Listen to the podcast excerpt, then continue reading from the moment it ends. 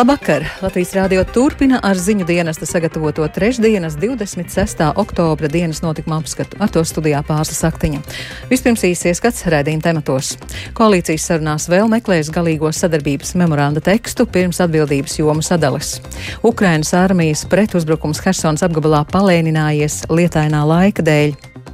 Вранці, в обід, ввечері, вночі. Viņi visu laiku šauj uz mums, no rīta, pusdienlaikā, vakarā un naktī, bet tagad ir nedaudz labāk. Jo vairāk mēs šaujam, jo mazāk viņi šauj uz mums. Latvija plāno iepirkt joda tabletes konkrētām iedzīvotāju grupām. Eksperti atgādina, paļauties vien uz tabletēm nedrīkst. Tās nav sarks pret radiāciju, tās nav jālieto profilaksē, jo satur ļoti lielu devu. Potenciālie koalīcijas partneri, jaunā vienotība, apvienotais saraksts un Nacionālā apvienība ir vienprātīgi par vairumu kopīgo mērķu un pamatprincipu, kas uzskaitīti topošajā sadarbības memorandā.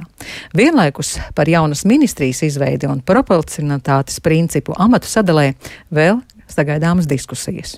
Par to vairāk Jāņa Kīņša sagatavotajā ierakstā. Jaunā vienotība ar potenciālajiem koalīcijas partneriem gatavo sadarbības memorandu par valdības darbības pamatprincipiem. Apvienotā sarakstu un Nacionālās apvienības pārstāvi turpmākās sarunas sagaida jau trīspusējās sanāksmēs. Savukārt premjeras Krišjāns Kariņš no jaunās vienotības norādījis uz vairākām lietām, kas jāņem vērā nākamajai valdībai un koalīcijai. To skaitā ir arī satversmes tiesas lēmumu ievērošana, kā arī proporcionalitāte nākamās valdības amatu sadalē. Atbilstoši šim principam jaunā vienotība iegūtu plašāku pārstāvniecību, jo saimā ievēlēta ar 26 mandātiem, kamēr apvienotais saraksts ar 15, bet Nacionālā apvienība ar 13.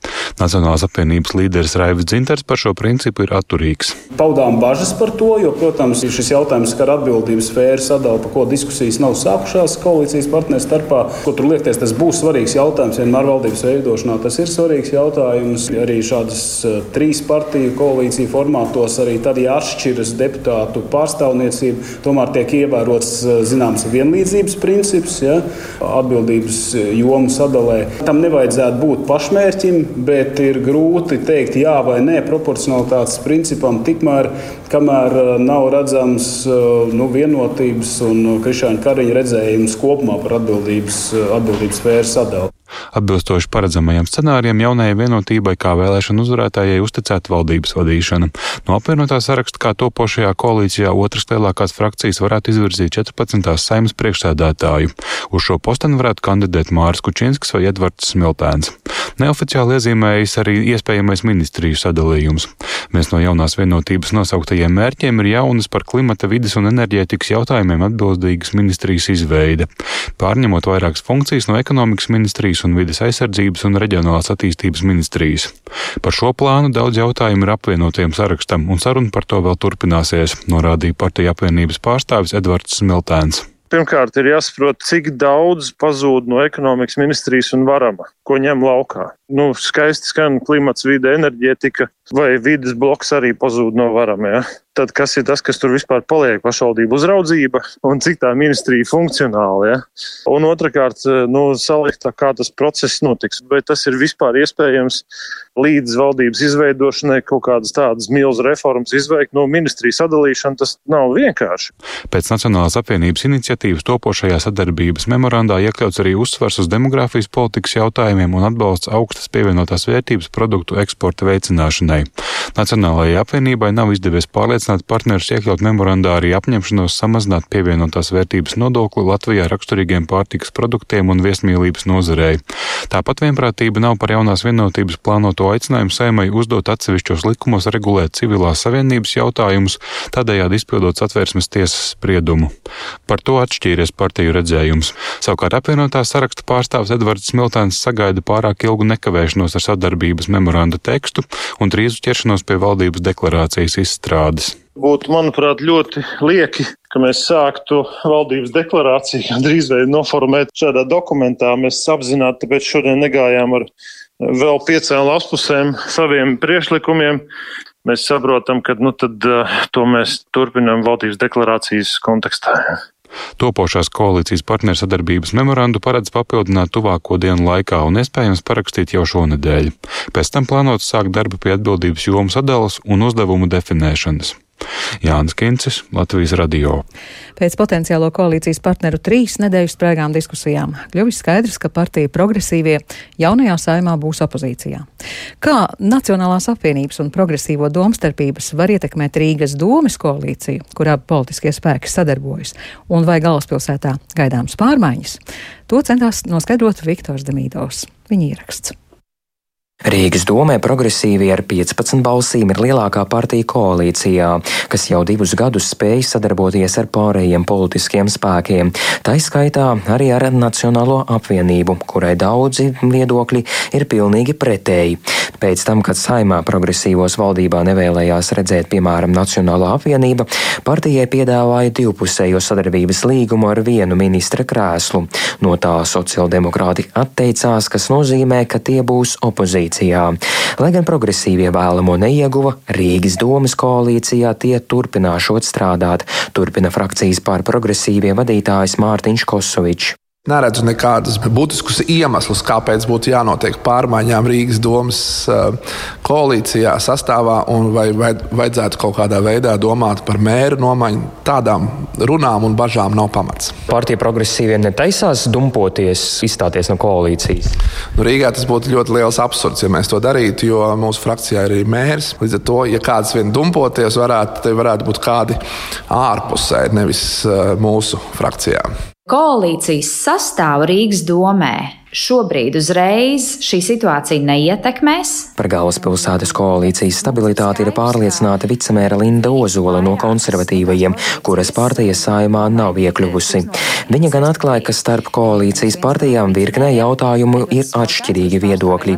Pēc Latvijas radio neoficiālās informācijas domas kodolu apsver pamest Nacionālā apvienība, kurā ir septiņi mandāti. Ozola atbild, ka tādi mājieni ir jūtami jau ilgāku laiku. Ja kāda partija ir koalīcijā, kur tu nevari īstenot nevienu no savām iniciatīvām, tad jautājums tiešām ir vietā, vai tie ir līdzvērtīgi sadarbības partneri un vai tādā koalīcijā ir vērts būt.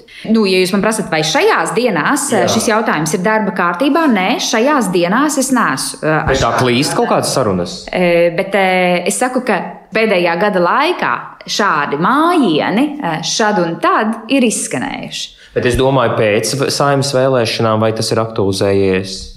Es teiktu, ka aktuālāks jautājums ir eh, par atbildības jomu nostiprināšanu. Jautājums par izstāšanos nu, tāds nav, nav ticis apspriests. Nu, tas vienmēr paliek, ja gadījumā koalīcija kaut kur nesastrādājās, bet pašlaik ir doma nevis par izstāšanos, bet par darbu aktivizēšanu. Tā atbild domas deputāts Einārs Cilīnskis no Nacionālās apvienības Latvijas reģiona apvienības kopīgā saraksta. Vienlaikus piebilstot, ka katras koalīcijas stabilitātei risks pastāv. Izmaiņas koalīcijā nesaredz arī opozīcijas partijas saskaņa frakcijas līderis Konstantīns Čekūšins. Teiksim, izveidot citu koalīciju, manuprāt, būtu grūti. Un paši es domāju, ka progresīvi tomēr doma ne kā bērni, o mums abīžo tur, tad mēs šeit kaut ko izdarīsim vēl sliktu. Domāju, ka viņi turpinās strādāt. Opozicionārs vien uzskata, ka likvidējot vicemēra Smiltāna vietu, Rīga ir jāsamazina vicemēru skaits, tādējādi varot plānot ietaupīt 200 tūkstošus eiro gadā. Uzrunātie koalīcijas deputāti tādu iespēju gan neizskata. Viktors Demidovs, Latvijas radio. Tas, ka partija progresīvie saimnes koalīcijā nebūs, dod politiskajam spēkam Rīgas domē iespēju koalīciju koriģēt.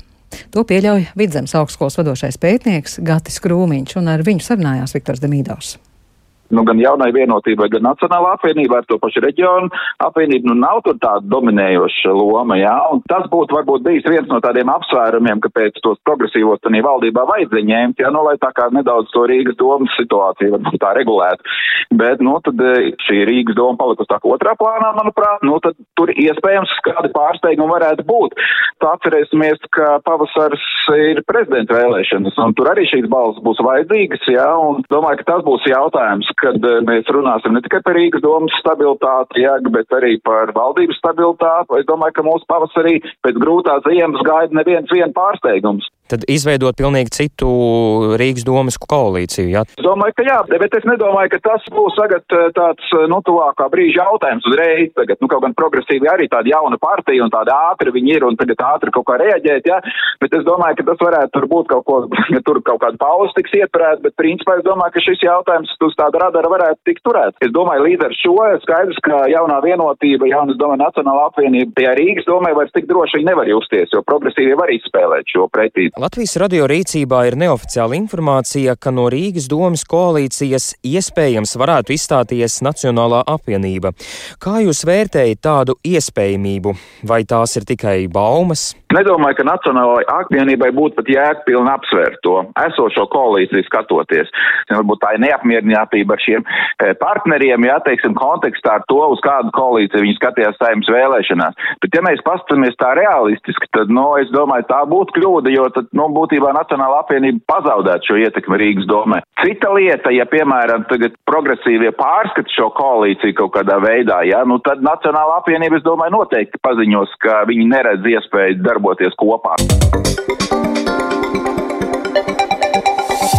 Ukrainas aizsardzības ministrs Oleksijas Režņikovs šodien atzinis, ka Ukrainas armijas pretuzbrukums valsts dienvidos Hersons apgabalā palēninājies lietainā laika dēļ.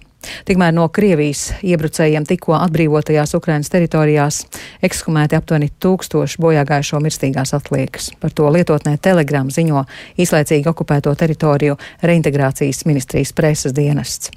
Bet starp Krieviju un Ukrainu īstenota kārtējā gūstekņu apmaiņa, un mājās izdevies atgriezties desmit Ukrainas karavīriem. Plašāk stāsta Rihards Plūme. Paralēli Krievijas īstenotajām apšaudēm Ukrainas teritorijā, valsts austrumos un dienvidos kara darbība turpinās, kā norādījusi aizsardzības ministra vietniece Hanna Maļara, komentējot situāciju Hersonas apgabalā, Ukrainas bruņotie spēki aktīvi aizstāvas un īsteno arī dažas uzbrukuma darbības. Allahu. Viņa atzina, ka pēdējās nedēļas laikā notikumu intensitāte frontē ir nedaudz mazinājusies. Maļara arī apliecināja, ka Ukrainas spēki dienvidos teritorijas nezaudē. Ukrainas aizsardzības ministrs Oleksijas Rezņikovs tikmēr atzinis, ka pretuzbrukums Hersonas apgabalā palēninājies, un tas noticis lietēnā laika dēļ. Situāciju frontē īsi raksturo viens no Ukrainas karavīriem. Vranci, v obід, večeri, vnuči. Viņi visu laiku šauj uz mums, no rīta, pusdienlaikā, vakarā un naktī, bet tagad ir nedaudz labāk. Jo vairāk mēs šaujam, jo mazāk viņi šauj uz mums. Helsonas iedzīvotājiem turpinot pamest pilsētu, Maskavas ieceltās amatpersonas paziņojušas, ka Helsonas apgabalā nedēļas laikā mājas pametuši vairāk nekā 70 tūkstoši cilvēku. Kara darbībai turpinoties arī austrumos, Ukrainas armijas pārstāvis Serhijs Čeravatīs norādījis, ka ienaidnieks joprojām cenšas izlausties cauri Ukrainas aizsardzībai Bahmutas un Avdīvkas virzienos, taču negūst panākumus. Savukārt īslaicīgo okupēto teritoriju reintegrācijas ministrijas preses dienesta šīs dienas dienas paziņojumā teikts, ka no Krievijas iebrucējiem tikko atbrīvotajās Ukrainas teritorijās meklēšanas darbu rezultātā jau ir ekshumēti aptuveni tūkstoši mirušo varoņu un civiliedzīvotāju līķu. No tiem teju 450 izjumā, vienā no lielākajiem masu kapiem. Paziņojumā arī norādīts, ka atklājušies šokējoši fakti par okupantu zvērībām un bojāgājušo vidū ir ne tikai militāri personas, bet arī civiliedzīvotāji, gan pieaugušie, gan bērni. Vardarbības pēdas redzamas arī atbrīvot apdzīvotajā Limanā, taču tur esošo iedzīvotāju prāti nodarbināti ar domām par to, kāda būs gaidāmā ziema. Satraukumu pauž arī kāda sieviete, kas gaida rindā pēc pārtikas. Tā ir liela krīze, un ziema būs katastrofa. Es vienkārši nezinu. Es to nevaru iedomāties. Mums ir jānovērš šī katastrofa. Ja nē, tā mūs iznīcinās. Es nezinu, ko mēs varam darīt. Ceram, ka saņemsim palīdzību. Мы надеемся на помощь. Šodien saņemtas ziņas arī par to, ka starp Ukrainu un Krieviju notikusi kārtējā gūstekņu apmaiņa. Tās rezultātā Ukrainas kontrolētajā teritorijā atgriezušies desmit Ukrainas karavīri. Pārvestas arī kāda amerikāņu brīvprātīgā ASV armijas veterāna mirstīgās atliekas. Ukrainas aizsardzības ministrija vēsta, ka līdz oktobra sākumam tika īstenotas 24 gūstekņu apmaiņas, kuru rezultātā no Krievijas gūsta atbrīvoti vairāk nekā 800 cilvēki. Tikmēr kļuvis zināms, ka ASV uzņēmums Raytheon Technologies nodevis ASV valdībai divas pretraķešu aizsardzības sistēmas NASAMS, kas drīzumā tiks uzstādītas Ukrainā. Norvēģu izstrādātie ieroči nodrošinās vidēja līdz liela attāluma aizsardzību pret Krievijas uzbrukumiem. ASV solījusi Ukrainai ilgākā laika periodā piegādāt vēl sešas nasams sistēmas, bet Ukrainas aizsardzības ministrs Oleksijas Rezņikovs norādījis, ka Ukraina joprojām gaida no ASV 600 dronu pašnāvnieku piegādi. Taču, kamēr tā nav notikusi, kaujas laukā uzvarot Irānā ražotie droni. Visbeidzot, laikraksts The Washington Post vēsta, ka starp ASV sabiedrotajiem Eiropā pieaug bažas, ka rietumu vienotā fronte, reaģējot uz Krievijas iebrukumu Ukrainā, var sabrukt, ja Republikāņu partija pēc uzvaras ASV vidustermiņa vēlēšanās novembrī vēlēsies piekāpties Krievijas prezidentam Vladimiram Putinam. Pēc pārstāvju palātas republikāņu mazākuma līdera Kevina Makārtija komentāriem, ka Republikāņu partija vairs nesniegs beznosacījumu atbalstu Kijevai, ja 8. novembra vēlēšanās iegūs vairākumu kongresā, Gan Kievas, gan Rietuma Eiropas amatpersonas sākušas prātot, vai Ukraina varētu arī turpmāk paļauties uz ASV. Rihards Plūme, Latvijas radio. Nīderlanda izmeklē divu Ķīnas biroju darbību un iespējamo disidentu vajāšanu. Nīderlandes mēdī ziņoja, ka Ķīnas biroja Amsterdamā un Rotterdamā piedāvājuši diplomātisko palīdzību, bet tie nav reģistrēti kā diplomātiskās misijas. Ķīnas ārlietu ministrija paziņojas, ka mēdīju ziņotais neatbilst patiesībai un pakalpojumu stacijas palīdz Ķīnas pilsoņiem ārvalstīs nokārtot tādus jautājumus kā autovadītāja tiesība atjaunošana. Turpina Rihards Plūme. Raidorganizācija RTL un tīmekļa vietne Follow the Money, atsaucoties uz Nīderlandē dzīvojošu ķīniešu disidentu vēsta, ka Ķīnas biroji Amsterdamā un Rotterdamā izmantoti, lai apklusinātu politiskos oponentus. Nīderlanda paziņoja, ka uztver mediju ziņoto ļoti nopietni un ārlietu ministrija izmeklē šo biroju aktivitātes. Ministrijas pārstāve norādījusi, ka brīdī, kad par to būs lielāka skaidrība, tiks veikti atbilstoši pasākumi. Saskaņā ar Spānijā bāzētās nevalsts nevalstiskās organizācijas Safeguard Defenders sniegto informāciju, Ķīna ārzemēs izveidojusi 54 aizjūras policijas dienesta centrus. Tie atrodas piecos kontinentos un 21 valstī. Lielākā daļa no tiem atrodas Eiropā.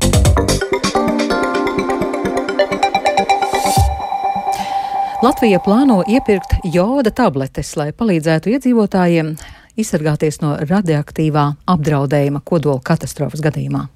Speciālisti gan atgādina, ka jods ierobežotu vienu no daudziem riskiem, tādēļ paļauties tikai uz tabletēm nedrīkst. Turklāt tablešu lietošana profilaktiski ir ne tikai bezjēdzīga, bet pat var kaitēt veselībai. Turpina Kristaps Feldmanis. Krievijas uzsāktais karš Ukrainā radīs ļoti nestabilu drošības situāciju reģionā, tostarp kodoldrošības jomā. Tas veselības ministrijai līdzis domāt par to, ka arī Latvijai būtu jāiepērk joda tabletes un iedzīvotājiem vai atsevišķām to grupām jādala bez maksas. Līdzīgi tas notiek jau mūsu kaimiņu valstī Lietuvā. Tā vakar kolēģiem Latvijas radio 4 raidījumā Doma laukums skaidroja veselības ministrijas farmācijas departamenta vadītāja Inese Kaupere. Arī mums ir doma tāda, ka valstī arī iepirksim tiem iedzīvotājiem vai tām grupām, kam patiešām tas būs nepieciešams. Tā bija pagājušā nedēļa, ka valdībā nolēma, ka šāds iepirkums ir jāveic. Vēl mēs vēl protokolu lēmumu nebijām saņēmuši no ministru kabineta. Pagaidām detaļas man neprasietas, bet tāda doma ir. Rīgas Stradiņa Universitātes farmācijas fakultātes prodekāne Baiba Mauriņa gan uzsver, ja šādas joda tabletes cilvēkiem tiks izdalītas, jāzina, ka tās nekādā gadījumā nedrīkst lietot profilaktiski un arī gadījumā, ja notiek kāda kodola katastrofa. Iedzīvotājiem būtu ļoti svarīgi sakot speciālistu norādījumiem par šo tablešu lietošanu par joda tabletēm būtu jāzina, ka tās nav sarks pret radiāciju, ka tās nav jālieto profilaksē, jo satur ļoti lielu devu. Šīs te joda tabletes būtībā aizsargā tikai viena no komponentiem, jo būtībā jau viena no tām vielām, kas izdalās, varētu būt radioaktīvais jods, un tad tā jēga joda tabletēm ir tās lietojot, jods piesaistās mūsu un neļauj tur piesaistīties šim radioaktīvajam jodam. Bet būtībā jau radioaktīvais jods jau nav tā viena lieta lieta, kas izdalās. Ir vēl daudz un dažādi citi radioaktīvie izotopi. Tādēļ Mauriņa uzsver, profilaktiski lietot joda tabletes nedrīkst. Savukārt aptiekās nopērkamajos joda uztura bagātinātājos šī viela ir ļoti niecīga apmērā. Šos uztura bagātinātājus var lietot ikdienā, ja ar saturu netiek uzņemts jods pietiekamā apmērā, taču pirkt krātu un krīzes gadījumā dzert desmitiem un simtiem šo uztura bagātinātāju tablešu noteikti nedrīkst. Rīgas Stradiņa Universitātes farmācijas fakultātes prodekāne Baiva Mauriņa arī atgādina, lietojot jodu lielā skolās devās profilaktiski bez vajadzības var iedzīvoties veselības problēmās. Jods piedalās organismā pietiekami daudz dažādās lietās tieši saistībā ar vairogu dziedzeri. Un ar joda preparātiem jebkurā gadījumā ir jābūt uzmanīgiem. Ja lieto šīs tabletes, kur ir lielā joda deva, tad, protams, ir daudz dažādu blakus parādību, kas ir no kuņa zarnu trakta puses, kas ir arī saistībā ar citām orgānu sistēmām. Tā kā tas tiešām pilnīgi noteikti nav nepieciešams. Savukārt civilās aizsardzības eksperts Rīgas Stradiņu Universitātes darba drošības un vides veselības institūta direktors Ivars Vanadziņš līdzīgi Baibai Mauriņai norāda, ir labi, ja šādas tabletes ir pieejamas, taču tās jālieto vien nepieciešamības gadījumā, ja ir saņemtas tādas norādes, turklāt svarīgi, lai tās mērķa grupām būtu pieejamas jau pirms negadījuma. Viņš ir potenciāli efektīvs, bet ir vairākas lietas. Pirmā lieta ir tā, ka tās ir mēģi grupas. Tad, pirmkārt, ir zem 40 gadus veci cilvēki, grūtniecības primāri, nu, un arī bērni. Tad es tie ir ļoti, ļoti konkrēts mēģi grupas, kur tas ir, nu, pamatots. Otra lieta - jēgas viņas lietot ir tikai un vienīgi vai, nu, tātad diennakti pirms vai 4 stundas pēc tās ekspozīcijas. Es te, ja tad, ja ministrija nopērk, tad, ja viņi nav pie tā iedzīvotāji, viņiem uz galda kopā ar skaidru indikāciju un veidu, kā viņš saņem ziņu, kad viņi ir jālieto. Nu, faktiski tam tāds īsts jēgas būtībā nav. Savukārt Veselības ministrijas pārstāve Bārbara Ālīte Latvijas radio informēja, ka valsts kancelējā šobrīd ir pieņemts informatīvais ziņojums par minimālajiem pasākumiem gatavībai iespējamiem kodola apdraudējumiem. Šobrīd norisinoties speciālistu diskusijas un ministrija sola informēt sabiedrību tik līdz būs pieņemti kādi konkrēti lēmumi. Kristaps Feldmanis, Latvijas radio. Novembrī ceļu lasītājiem sāks Mārtiņa Čibilda grāmata Atslēgas gadsimta vēstures atradumi. Tās pamatā ir tāda paša nosaukuma dokumentālo raidījumu cikls, kas Latvijas televīzijā bija skatāms 2018. gadā, kad svinējām Latvijas simtgadi. Mārtiņš Čibilds bija šī cikla autors un vadītājs. Par vēsturi viņš stāstīja neparasti aizraujoši, spilgti un drosmīgi, neslēpjot savu skatu punktu un rosinot skatītāju domāt plašāk. Viņam bija sapnis projektu attīstīt tālāk, bet viņš negaidīti aizgāja mūžībā, un viņa ieceres piepildīja viņa sieva Ilze Grasa Čibilde kopā ar ģimeni un dombiedriem. Vispirms tapa mājaslapa atslēgas TV, un tagad arī 50 raidījuma sērijas pārtapušas 50 grāmatas nodaļās, tekstus pielāgojot grāmatas formātam, to papildina bagātīgs daudzu iepriekš neredzētu fotografiju klāsts. Kā ļoti īpašu vērtību Ilze Graseķi bilde izceļ grāmatu pavadošo mācību palīglīdzekli skolotāja Burtnīca. Nu, es tā brīžiem domāju, varbūt to būtu izdarījis kādreiz kāds cits, bet visticamāk ne ar tādu atdevi kā es. Pirmkārt, man bija sajūta, ka tas ir ļoti labs turpinājums viņa ieguldītiem darbam. Un arī es vēlējos pasniegt Latvijai dāvanu, jo, manuprāt, šī ir burvīga dāvana ne tikai tiem, kam interesē vēsture, bet arī skolēniem, skolotājiem, tāda kā izglītības ieguldījums. Milzīgs darbs ir veikts no mūsu fotoredaktors puses, Lilijas Vaingārners, kur ir sadraudzējusies ar visiem Latvijas galvenajiem muzejiem un uzrunājis ļoti daudz individuālu fotogrāfu, lai varētu katrai sērijai pielasīt attiecīgo fotomateriālu. Jo pašā sākumā mēs secinājām, ka mums būs ļoti grūti un nebūs laba kvalitāte, ja mēs ņemsim kaut ko no televīzijas materiāla, ko mēs redzam seriālā atslēgas. Tie, kas izprot Latvijas vēsturi, ceru, ka atradīs arī kādus interesantus fotomateriālus, jo tiešām dažas fotogrāfijas ir ļoti unikālas. Es pati ļoti priecājos par to, ka mums izdevās radīt vēl divus izdevumus, papildus krievu valodā, pilnvērtīgi, un arī angļu valodā, pilnvērtīgi to pašu grāmatu. Mēs varam uzrunāt diasporu, un mēs varam uzrunāt tos cilvēkus, kas nerunā latviešu, bet runā krievu valodā. Es ceru, ka tādējādi mēs varēsim vēl plašākai publikai iemācīt, kas ir Latvija. Diemžēl tie notikumi, kas notiek ļoti tuvu mūsu valstī, ir arī padarījuši vēsturi par tādu ļoti aktuālu tēmu. Un es zinu, ka būtu Vārtiņam ļoti spēcīgs viedoklis par to, kas notiek, bet uh, es ceru, ka šis materiāls radīs izpratni lielāku. Grāmata par Latvijas vēsturi atslēgas gadsimta vēstures atradumi, kam pamatā Mārtiņa Čibilda izlolotais projekts, atvēršanas svētkus piedzīvos 2. novembrī. Izskan dienas notikuma apskats, producents Viktors Pupiks, ierakstus montēja Ulds Grīnbergs, par labskaņu rūpējās Kristaps Eida, ar jums runāja Pārslas Saktiņa. Vēl īsi par svarīgāko. Koalīcijas sarunās vēl meklēs galīgo sadarbības memoranda tekstu pirms atbildības jomu sadales. Ukrainas armijas pretuzbrukums Hersons apgabalā palēninājies lietainā laika dēļ. Atbrīvotajās Ukrainas teritorijās ekskumēti aptuveni tūkstoši bojā gājušo mirstīgās atliekas. Yeah.